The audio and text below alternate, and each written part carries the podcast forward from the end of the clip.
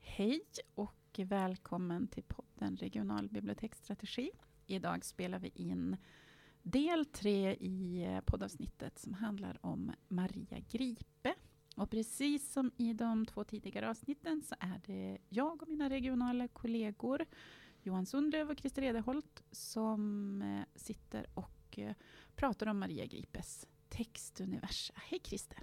Hej! Känns det bra i det här avsnittet? I det här avsnittet känns det också jättebra. Och vad härligt. Förtjust i Julia Nattpappan också. Ja, ja, det är ju Julia Nattpappan vi ska prata om. Johan, hur känns det för, för dig? Mm, absolut. Um, jag uh, såg, uh, visste inte att den fanns som tv-serie. Det var också en, en rolig ja. upptäckt. Ja, att precis. den finns också på, vad är det, SVT?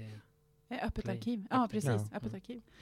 Absolut. Och Mm. eh, som sagt, som, som ni har förstått nu, så kommer det alltså handla om Julia och Nattpappan och om eh, ja, formatet som man kan kalla för rörlig bild kanske. Eh, och främst då tv-serien Julia och Nattpappan. När vi planerade det här avsnittet så hade jag önskat att jag hade fått tag i pappa Pellerins dotter. För det är en tv-serie som, som jag som inte skapades när jag var ofödd, eller hur man ska säga. Eh, och ehm, eh, en tv-serie som jag, som jag har väldigt starka känslor för. Men den fanns, den har funnits på öppet arkiv som jag förstod det, men den fanns inte längre. Eh, så att då valde jag Julia och Nattpappan och det ångrar jag ju såklart inte. Men som sagt, öppet arkiv om ni vill titta på Julia och Nattpappan. Eh, har ni hunnit kika något, Christer? Då? Japp, jag tittar igen. Jag tittade ju väldigt mycket på Julia och Nattpappan när det kom. Ja, Johan? Då? Jag hade inte sett den innan jag såg den, eh, såg, såg nu. Nu har jag sett eh, två avsnitt. Eh, Var det åtta totalt? va? Ja, åtta totalt. Men jag kommer nog absolut se färdigt den för det var, eh, ja men som vi har pratat om tidigare här, att eh, det är verkligen tids, tidsmarkörer Mm. som, Mm. som känns spännande att Mm, se, precis. förutom berättelserna i sig. Ja, men, Och så läste jag dem förstås också efter, Ja. efter att jag hade läst Elvis-böckerna. Så fortsatte jag med Julia och Nattpappan. precis, för att Elvis dyker ju upp i... Mm. Ja, precis. Precis. Ja, men det kanske vi kom in i, men det, Mm. där kommer ju Elvis första gången med. Ehm, boken gavs ut... Eh, den första boken, som bara heter Nattpappan, den kom i alla fall i slutet på 60-talet. Och så säger man då att eh, om tv-serien spelas in 71 så borde ju Nattpappan i alla fall ha kommit före. Medan Julia och Nattpappan, alltså eh, nästa bok, den kommer strax efter tv-serien. Och Johan, du var ju i eh, kanske för Elvis-avsnittet tror jag, inne på det här sättet att berätta som, som känns lite annorlunda än vad de känns idag. Mm. Alltså lite så här alltifrån kameravinklar till ehm, ja, men, röster som hörs och så vidare. Och så, det var det första som slog mig och jag, jag kunde bli lite rörd när jag tittade igenom Julia och Nattpappan. Dels så var ju då, det här var ju en tidsanda eh, där, där barnen skulle ha den bästa tvn och Sverige skulle Mm. ha den bästa tvn för barnen. Mm. Och det tycker jag är fantastiskt, bara det. Så Mm. att den nya stora lördagsserien, när Julia och Nattpappan kom, det var Julia och Nattpappan. Mm. Och de Mm. är nästan en halvtimme långa varje avsnitt. Mm. Eh, och det här, jag minns lite grann det här från det att jag var liten, att oftast skulle ju avsnitt vara en halvtimme långa, tyckte jag i alla fall. Och vips var de plötsligt bara 15 minuter. Kommer ni ihåg det här? Nu är jättemånga jag har avsnitt typ tänkt 15 På minuter. tid sådär. Jaha. Ja, Mm. det, det stämmer Mm. nog. Mm. Ja, det förstås. Det är ett långsamt berättande Mm. på Mm. ett helt annat sätt än dagens berättande i rörlig bild. Ehm, jag känner att jag går ner i varv när jag tittar på de här um, bilder, rörliga bilder utan prat i hela serien. Eh, jag går ner i varv, jag hinner djup andas och så vidare. Så jag tycker jätte- jättemycket om sättet som man berättade. Men, men jag tycker ju inte att det, det här är, vad- vad säger man, daterade långsamheten, utan det är en fylld, alltså en, Ja. en långsamhet som, är, som hela tiden är spännande och fylld. ändå. Ja, det finns något. Det är ju Ja. inga, men precis, det är ju inte så att det inte händer något, Nej. utan det är lite som som, i, som jag menar, vet när man definierar en bilderbok. En bilderbok är ju någonting då som via bilderna för berättelsen framåt. Mm. Alltså att bilderna tar och berättar berättelsen. Och precis så tänker jag att det är här också. Mm. Att bilderna berättar saker om ehm, Julia, om Julias mamma och så Mm. vidare. Mm. Ehm, och jag tänkte väldigt mycket på eh, de, Julia, hon har två katter. De är med överallt. Och de rör på sig och någon har ungar i magen. Och det är allt ifrån att de står och småpratar med katterna till Mm. att någon går förbi på gatan och Mm. klappar på katterna. Alltså det, Mm. och bara att, att de tillåts ta en hel minut i anspråk för att katten sitter i fönstret och det är en flickas hand som klappar på, på kattens rygg. Mm. Nej, det, ja, jag Mm. tyckte det var, var jättefint.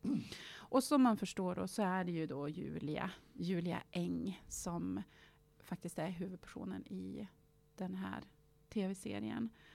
Ehm, och Julia hon har en mamma eh, som jobbar som nattsköterska.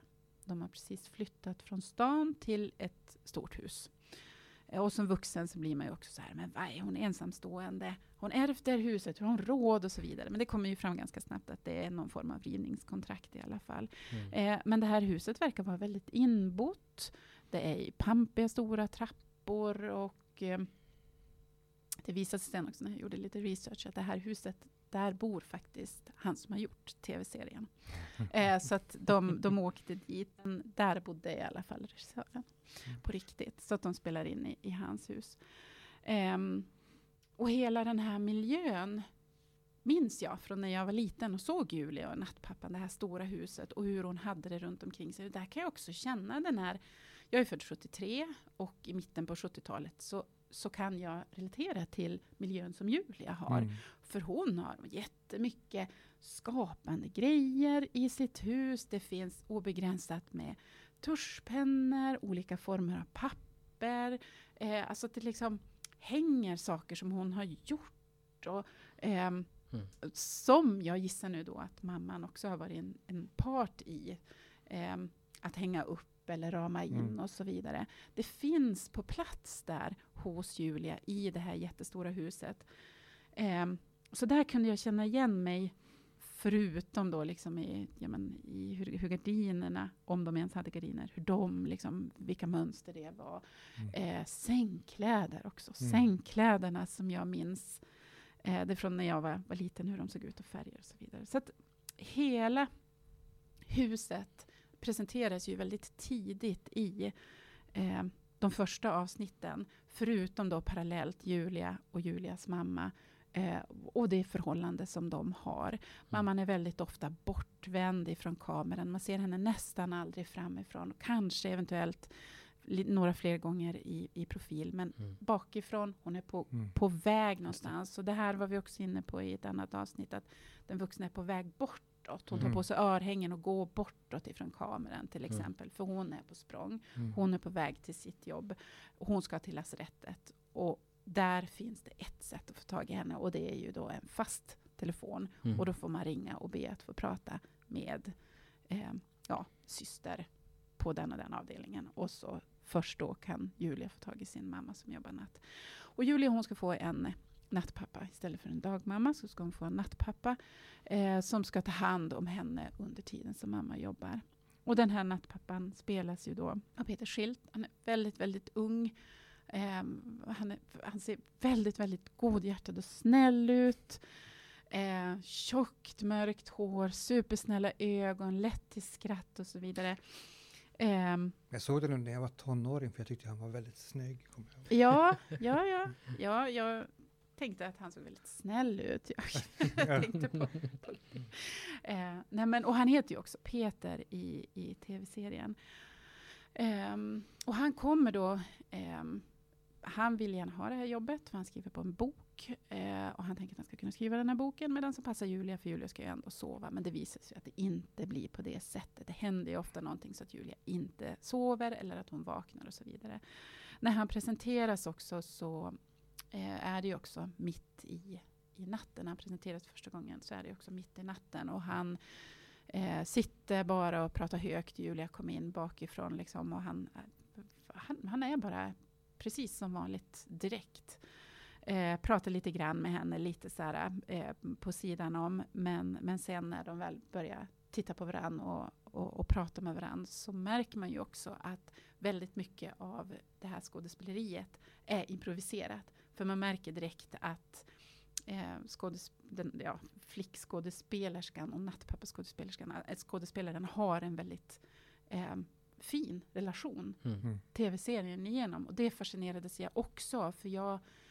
ehm, man kan ju imponeras av barnskådisar såklart, men, men kanske inte på det här genuina improviserade sättet som hela den här tv-serien eh, faktiskt speglar. Mm. Och Julia hon har ju andra personer också runt omkring sig ehm, i den här tv-serien. Det finns en konstnär till exempel som, som sen kan man säga eh, är den som uppmanar till aktion. Mm. För man vill ju rädda det här rivningshuset. Det är ju det, det är dit man är på väg. Så Mm. att Julia tillsammans med, med Peter då så ska de också då försöka rädda det här huset som är det sista sitt, sitt slag. Ehm, ehm, en gammal kvinna som, som Julia ganska tidigt också får kontakt med.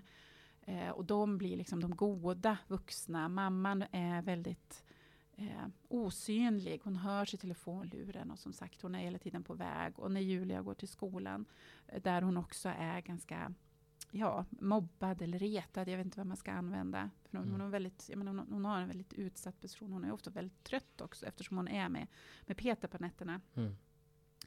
Ehm, så att det finns de, de goda vuxna och sen så finns det ju några vuxna som känns lite mer, eh, eller ja, de är direkt osympatiska. Till exempel ehm, ett par män ifrån, jag gissar typ från kommun, kommunen som kommer dit och säger det här är ett rivningshus och här ska vi bygga det här och bla bla bla, här ska det in det här. Mm. Ehm, och så Julias reaktion eh, gentemot, gentemot dem. Ehm, ja, men samtidigt då mamman, hon är frånvarande för, eh, för att hon, hon behöver ta alla pass. Hon har ju ofta Mm. tagit extra pass. För att man förstår ju att hon behöver verkligen de här pengarna. Ehm, jag funderar mycket på hur gammal Julia var. Eh, jag försökte ta reda lite på, var hon bara sju år? Jag såg hennes mattebok när hon Mm. kom från skolan någon gång och den hette bara, alltså den såg väldigt eh, officiell ut, den, den hette bara fyra, matematik fyra. Mm. Och då blev jag så här, men vadå går hon i fyra när hon är 10-11 år? Men det är hon inte, hon är ju typ sju. Mm. Mhm. Ja, så att eh, ja, jag har kanske missat något omkring hennes ålder, men ja, i vilket fall. Jag kände igen mig jätte, jättemycket i, i Julia. Just det här som vi har varit inne på också tidigare, att barn kunde gå bara rakt ut genom dörren utan att säga eh, nu går jag dit och jag är hemma den och den tiden. Man kunde bara gå ut. Mm. Det här också att hon springer omkring och balanserar på staket i träskor. Alltså det, jag hade träskor, ja, men jag, vet, jag älskar fortfarande träskor, men alltså Mm. man var barfota i sina träskor och så hade man de där jeansen som var de lite trasiga så hade de en lapp. Mm. Lite okammat hår, för det var ingen som ändå liksom gjorde en bena på en eller, eller så, utan man, man, Mm. man, det, man bara var där i, det vet jag, Mm. krokarna mitten på 70-talet eller lite senare. Och just hennes, jag tänkte mycket, det var lite så här att jag ville ta, ta mig själv när jag var i den åldern och sådär, äh, försöka ta, hon har en sån här bena mitt i pannan. Eh, som, eller bena, det är en virvel rättare sagt, som styr hennes hår helt och hållet. Och jag har också en sån. Sådär, så, jag, så jag kände att det här helt raka håret, så den här gardinen till lugg som liksom faller ner efter den där jädra virveln och det går ändå inte styra. Mm. Jag ville liksom klappa mig själv på huvudet och så, så här, ja, men det här, det var verkligen en, en tidsmarkör att ha Mm. det här flygiga håret som var så himla elektriskt hela tiden. Så det, ja. Men som sagt, det spelades in 71 och det blev bara en säsong. Mm. Åtta, åtta avsnitt. Nattpappan och Julias hus och Nattpappan heter den här del två. Um, och den tillkom då parallellt eller lite efter serien. Um, andra saker som, som jag i det här i den här tv-serien där inte jättemycket sägs, det var ju till exempel maten. Som jag också kände igen mig så mycket. Det var så här, jag är hungrig. Eh, det är någon som har ställt in någon tallrik med någon rest någonstans på, men det finns ju inga mikrovågsugnar. Hur ska, hur ska barn göra jag vill ha en knäckebrödmacka med korv på till Ja, exempel, säger Ja. hon till Pe- Mm. Peter. Mm. Och då fixar han det. Så blir det lite smulor i sängen. Och så Mm. de där katterna som går överallt. Mm. Ehm, men så att det där, det där samspelet, det minns jag också ifrån um, alltså själva boken. Att man turas om att prata.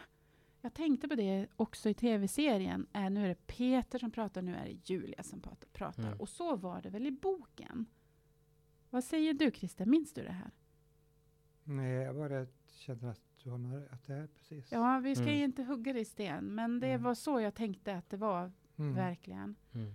Och så här, det här gränslösa. Men det visar ju också mycket på det här hur att Peter han lyssnar ju hela tiden när Julia pratar. Ja, Mm. Han ja. är ju intresserad av vad hon säger. Mm. Så det blir en riktig dialog. Mm.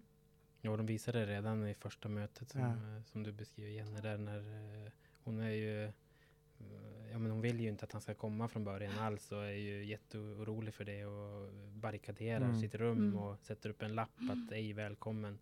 Så att på något sätt känns det nästan som en strategi när han väl bara är där. Mm. Så han, han vill liksom inte tränga sig på. Men han har ju lovat mamman att vara där så därför sitter Mm. han där och jobbar med sin bok. Mm. Vilket gör att hon blir nyfiken och, och, och kikar ner och träffar Mm. på honom där och, Mm. och så börjar prata och så blir hon nästan lite irriterad för att han, han liksom inte eh, har, har, han har, ställer inte så mycket frågor utan Mm. han lyssnar och, och hon får liksom nästan peta på honom för att han ska börja prata Mm. och sådär. Och, Mm. Men som, som du säger Christer så lys, lyssnar han ju också väldigt mycket och det är någonting hon säger att du stör så mycket när du bläddrar i dina papper Ja, så jag kan inte precis. sova. Och, ja, men då, om jag bläddrar så här då så kanske det inte Mm. hörs. Och, så, ja, men är så verkligen- otroligt respektfull och respekterar liksom hennes känslor då att hon inte vill ha någon Mm. där och sånt Nej men precis. Exakt. Ja. Och sen har jag den här ugglan också. Mm. Också någon slags symbolik i ugg, att ha att han hade en uggla Mm. som heter Smuggel. Mm. Mm. Eh, jag, jag gick lite vidare eh, med, med det spåret faktiskt. Jag skrev upp det någonstans. Nu vet jag inte vart jag hade det, men eh, smuggel är... Eh, han säger att det är en afrikansk tornuggla. Men när jag tar reda på det här, då, då är det snarare en afrikansk gräsuggla. Och de är inte alls utrotningshotade och har aldrig varit det. Så man tänker ju så här, hur tog den här ugglan sig till, till Sverige? För Mm. att den, den finns ju inte här uppe. Och hur gammal kan han ha varit, Peter Schildt? Jag var så här, men gud, har han en skäggväxt när han spelade in det? Han var så ung. Jag har inte kollat. Och så är jag 25 eller Tror någonting. du det? Han kändes som. Kanske yngre. jag vet 20. Ja, Det är så svårt, att, för jag har ju sett både som vuxen och som barn. Så man vet ja, Mm. just det. Ja, men tänkte ni på det här eh, jag menar alltså, när, man, när man gick utanför huset, det som hände utanför huset. Mm. För inne i huset var det ju, där var det ju på ett sätt och utanför huset var det på ett annat sätt. Mm. Mm. Christer? Tänkte du Nej, på jag, något? jag tycker bara att det, det överensstämmer så mycket med hur jag kom, då jag växte upp i Bjurholm. Att, liksom att man går utanför huset och där har man en ganska fri värld. Och man Ja, går, Mm. går iväg, precis som hon gör också. Mm. Sådär, och att, ja, den fria världen där, den, den blev ju också, den kunde ju vara lite otäck. Mm. Det här att hon är som oskyddat mot de här, mot de här elackarna, elak, alltså flickorna i skolan som verkligen inte är snäll med, mm. med Mm. Julia. Eh, så att hon är dels oskyddad samtidigt som hon, ja men hon har den här, ja men målaren är ju på plats där. Heter hon Asta? Jag kommer inte Mm. ihåg. Ja, Asta Tant Asta. finns där. Katterna finns delvis där. Ehm, och så sen inne i huset där, där är det liksom något annat. Mm. Mm. Ja. Nej men det är precis som du säger. Jag tänker också på det att det, och det, eh, jag vet inte varför Stand By Me kom upp till mig någon gång. Både när jag såg Elvis och, och den här. Alltså, den här, på den här- de rör sig också ute i, Ja, just händer det. det i och för sig ganska Mm. mycket. Men också bara det där att röra sig ute i världen Mm. och låta världen hända Mm. eh, själv. Jag tänker, och det är också apropå det här med tidsmarkören. Det Mm. känns som att eh, jag, jag inkluderad har det är mycket, mycket som händer idag eh, kretsar kring att det ska vara någonting, att man går till någonting eller det är en, man, man kopplar det till en aktivitet. Det är Just ganska det. sällan man Ja, bara går, går ut Mm. sådär och Bara låter är. världen drabba en. Liksom. Just det. Mm. Ja, men det var fint. Det är ju lite det hon, hon gör. Mm. Rätt ofta faktiskt. Mm. Mm. Eller eh, ja, men den här frågan som man kan få från barn. När jag har tråkigt, vad ska jag göra? Mm. Gå ut. Jag bara, Vad ska jag göra ute? Vad ska jag göra ute? Eh, ja, Ja. precis. Ja, men jag måste bara säga, Stellan Olsson heter han som, eh, som skrev andra boken tillsammans med Maria, Gri- Maria Gripe och gjorde, Mm. eh, han filmade också och regisserade. Skrev han med i boken också? Ja, andra boken tror jag att Ja. han gjorde tillsammans. Okej. Jag skriver det i alla fall. Ja, men då är det säkert. Jag, Ja, jag, precis. jag vart bara lite förvånad att hon... Andra boken alltså. Ja. Och den, alltså den är ju nästan likadan som tv-serien. Så jag gissar att Ja, han måste ja, kanske in där. Mm. Ja. Mm. Eh, Ja, precis. Ja, men det här långsamma berättandet då. Tror vi att den här tv-serien skulle... Alltså skulle vi kunna bänka oss vid, men vet jag, 18.30 eller något på lördagskvällen tillsammans med lågstadiebarn och säga att det här är SVTs nya lördagsserie. Med tanke på att vi var inne tidigare på tvn som inte Mm. längre är den här Mm. lägerelden. Skulle den gå att visa för ett gäng sjuåringar till exempel? De kanske tycker att det är väldigt konst. Men jag tycker det kan, borde kunna vara lite spännande också. Att Mm. Just det som vi känner nostalgi inför Mm. Mm. borde kunna bli... Det kan ju bli spännande på ett annat sätt Mm. när man aldrig har upplevt det. Mm. Bara en fast telefon. Ja, Mm. bara det. Exakt. Nej, men jag tänkte på det några gånger faktiskt. Att jag, jag jag får göra ett ex- experiment och se hur, Ja. hur det flyger Precis. med, med mina barn. För jag tänkte på det några gånger att ja, men även introt var ju super, super långt. Ja. Hur många intron Mm. gör så långa. Och så, just Postbilen som kommer och åker. Mm. och, och så hela det soundtracket också. Som en eh, flöjtmelodi med en akustisk gitarr. Och så sen sången. Liksom, hur, hur många sådana introlåtar görs idag. Känns också väldigt Mm. tids, tidstypisk.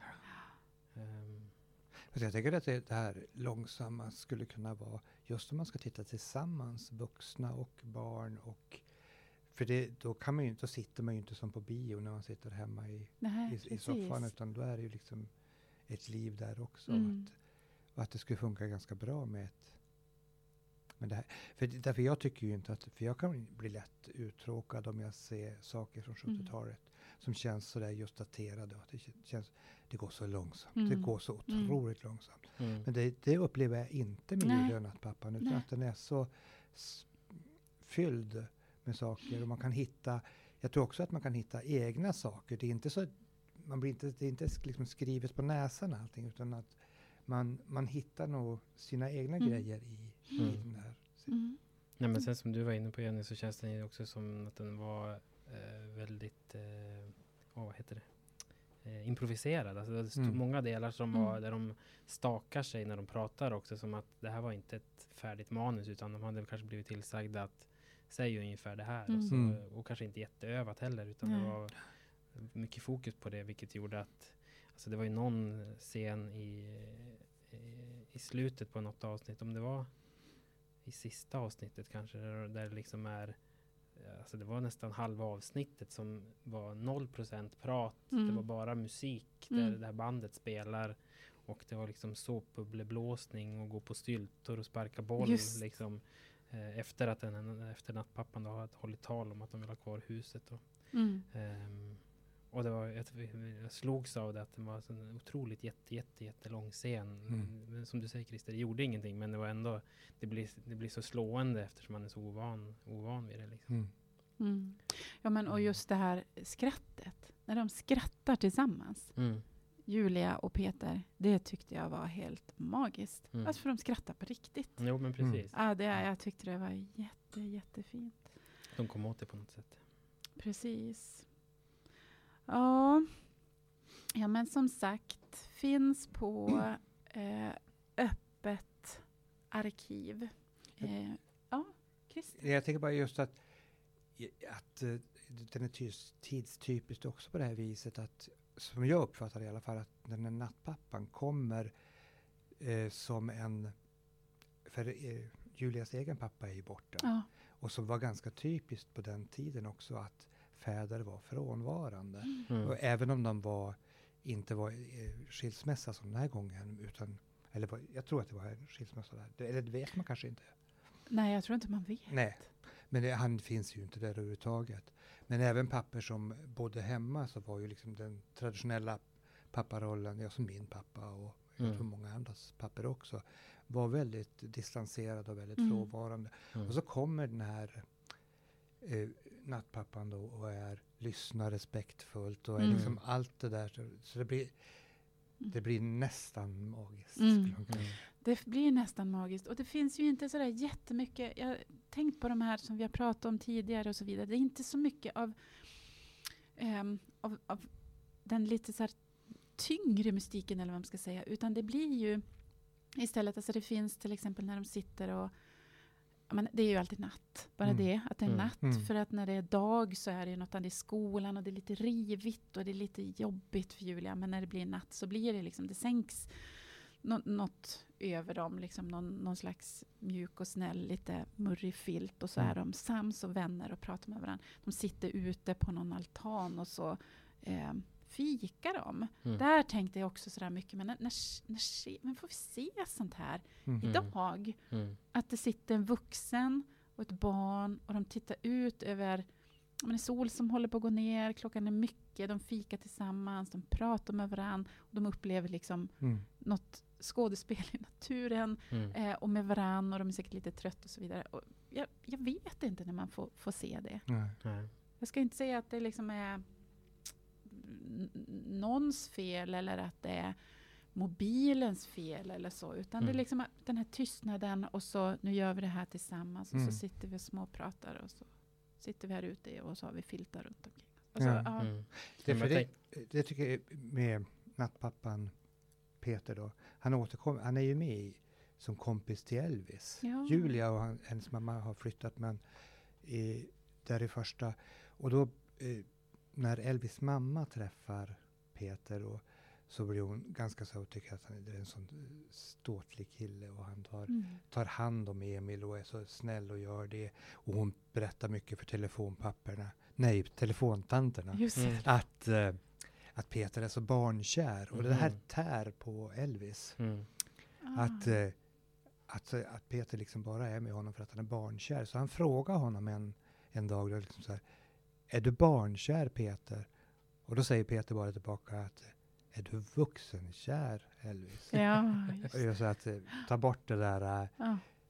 han var inte ett eh, kompis med Elvis Mm. för att ta hand om ett barn, utan han var för att han tyckte om Elvis som Just en kompis. Så ja, det, det blev en Det där är ju fint.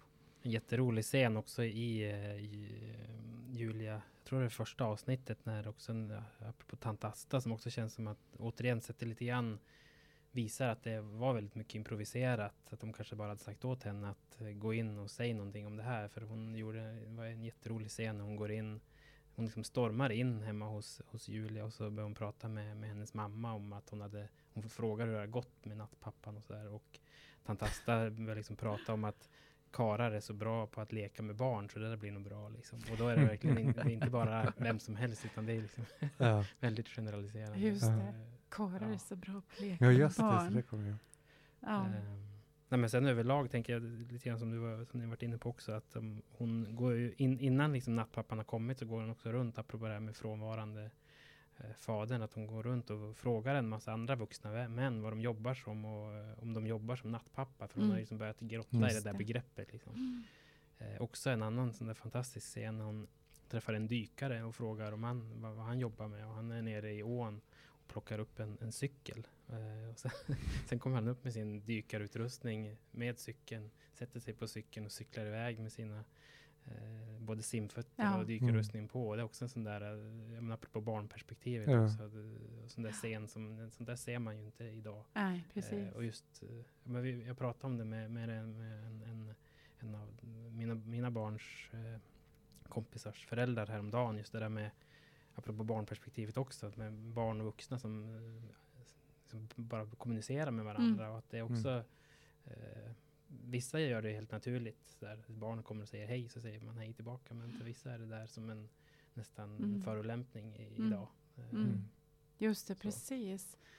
Ja, det ser man kanske inte så ofta. Nej, men just det, det är där, där hon, vad krockar hon med, med den här vad är han student kanske? Han, han verkar slå sig på riktigt, typ mot Mm. en lyktstolpe Ja, eller någonting. Mm. Och det kändes också så här, men gjorde han illa sig på riktigt? Ja. ja, ja men eh, fint. Vad, nu kände jag, jag såg ju den här serien före semestern och nu, nu är vi ju inne i slutet på september. Eh, jag blev lite sugen på att befinna mig i det där igen. Ehm, vad roligt det var att, att prata mer om det här. Och jag tänker att innan vi avslutar den här tredelade podden som har handlat om Maria Gripe och eh, viss tematik i hennes författarskap och eh, några få utvalda verk så kanske vi skulle säga att vi på, på inget sätt vill vi göra anspråk på att vara heltäckande egentligen. Eh, utan att vi, vi tre helt enkelt ville lyfta ett författarskap som har betytt väldigt mycket för, för oss alla Mm. på kanske olika sätt.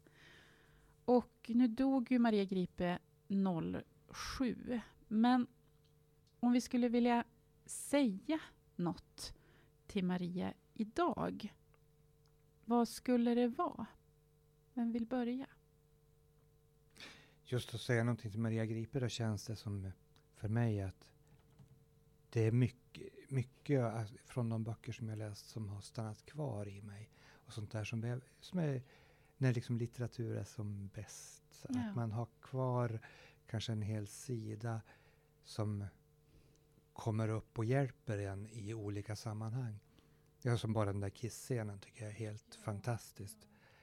Hur ofta har jag inte fått tänka på det, att jag inte ska bry mig om vad andra människor Mm. tänker och säger, att det, det angår mig faktiskt inte. Mm. Och, eh, men så, och så jag, jag tänker att vi har eh, eh, Maria Gripe är ju också väldigt känd för den här skuggsymboliken som jag tycker är intressant. Och just i Elvis-böckerna går den ihop med den här liksom individens eh, sökande efter identitet och frihet.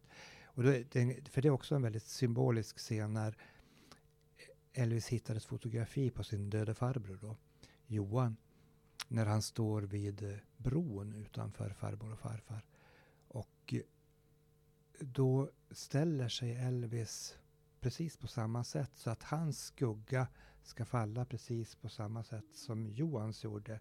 För han vill liksom Mm. känna efter hur Johan hade Mm. det på något vis. Mm. Och det där är ju, men det, är ju, det finns ju i skuggserien och det finns ju, det, Mm. jag tror det återkommer i väldigt många böcker just den här skuggorna och, Mm. och det går in i det här äh, lite magiska Mm. och lite Mm.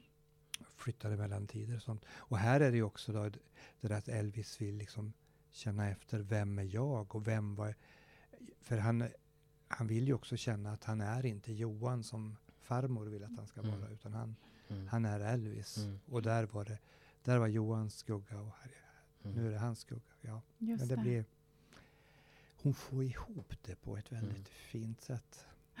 Verkligen. Ja. Johan, vad skulle du säga till Maria idag?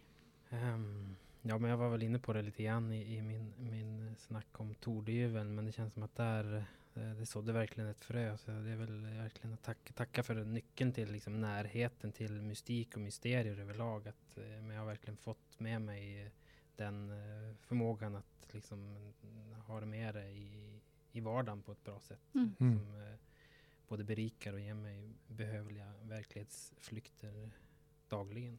Mm. Mm. Mm. Ja, fint. Ja, men jag, jag är också inne på det här med vardagsmystiken och eh, eh, lite grann som du säger Christer, någon, någon slags känsla och något slags eh, eh, något som inte alltid är så, så, så skarpt och så mycket i dagen och så belyst, utan Mm. tryggheten till exempel i, i djur, i natur, sånt var väldigt viktigt för mig när jag, när jag var liten. Ehm, men också vissa verk som jag har kunnat återkomma till i hela mitt, hela, hela mitt liv. Och vi har ju inte alls pratat om eh, ehm, Agnes Cecilia till exempel, Mm. som ju är en helt enorm bok och Ja. som, som jag vet att väldigt många, eh, precis som jag, har, har verkligen eh, ja, alltså läst och eh, älskat. Mm. Mm. På, på barn riktigt. också. Glasblåsarens barn har vi inte saknat precis. Mm. Och sen också eh, Trolltider som Maria Gripe Mm. skrev tillsammans med, med sin dotter Camilla Gripe. Den fantastiska, alltså bara, Mm. ja, nej det finns så mycket i den också som, som innehåller allt det som vi har pratat om. Mm. Män Mm. i, ja, och män i adventskalenderformat. Mm.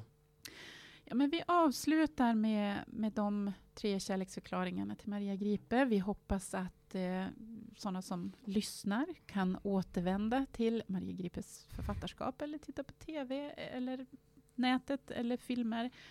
Eh, be era bibliotek gå ner i eventuella magasin och hämta upp Maria Gripe-böckerna. Vi hoppas att de inte är där allihopa. Nej, vi hoppas att de inte är där allihopa. Det kommer ju lite nytryck emellanåt faktiskt. Mm. Eh, så att vi avslutar det här, eh, den här sista delen av podden som handlar om Mar Maria Gripe genom att säga tack och hej och på återhörande. Ja, tack. Hej hej! Hej. Hej då.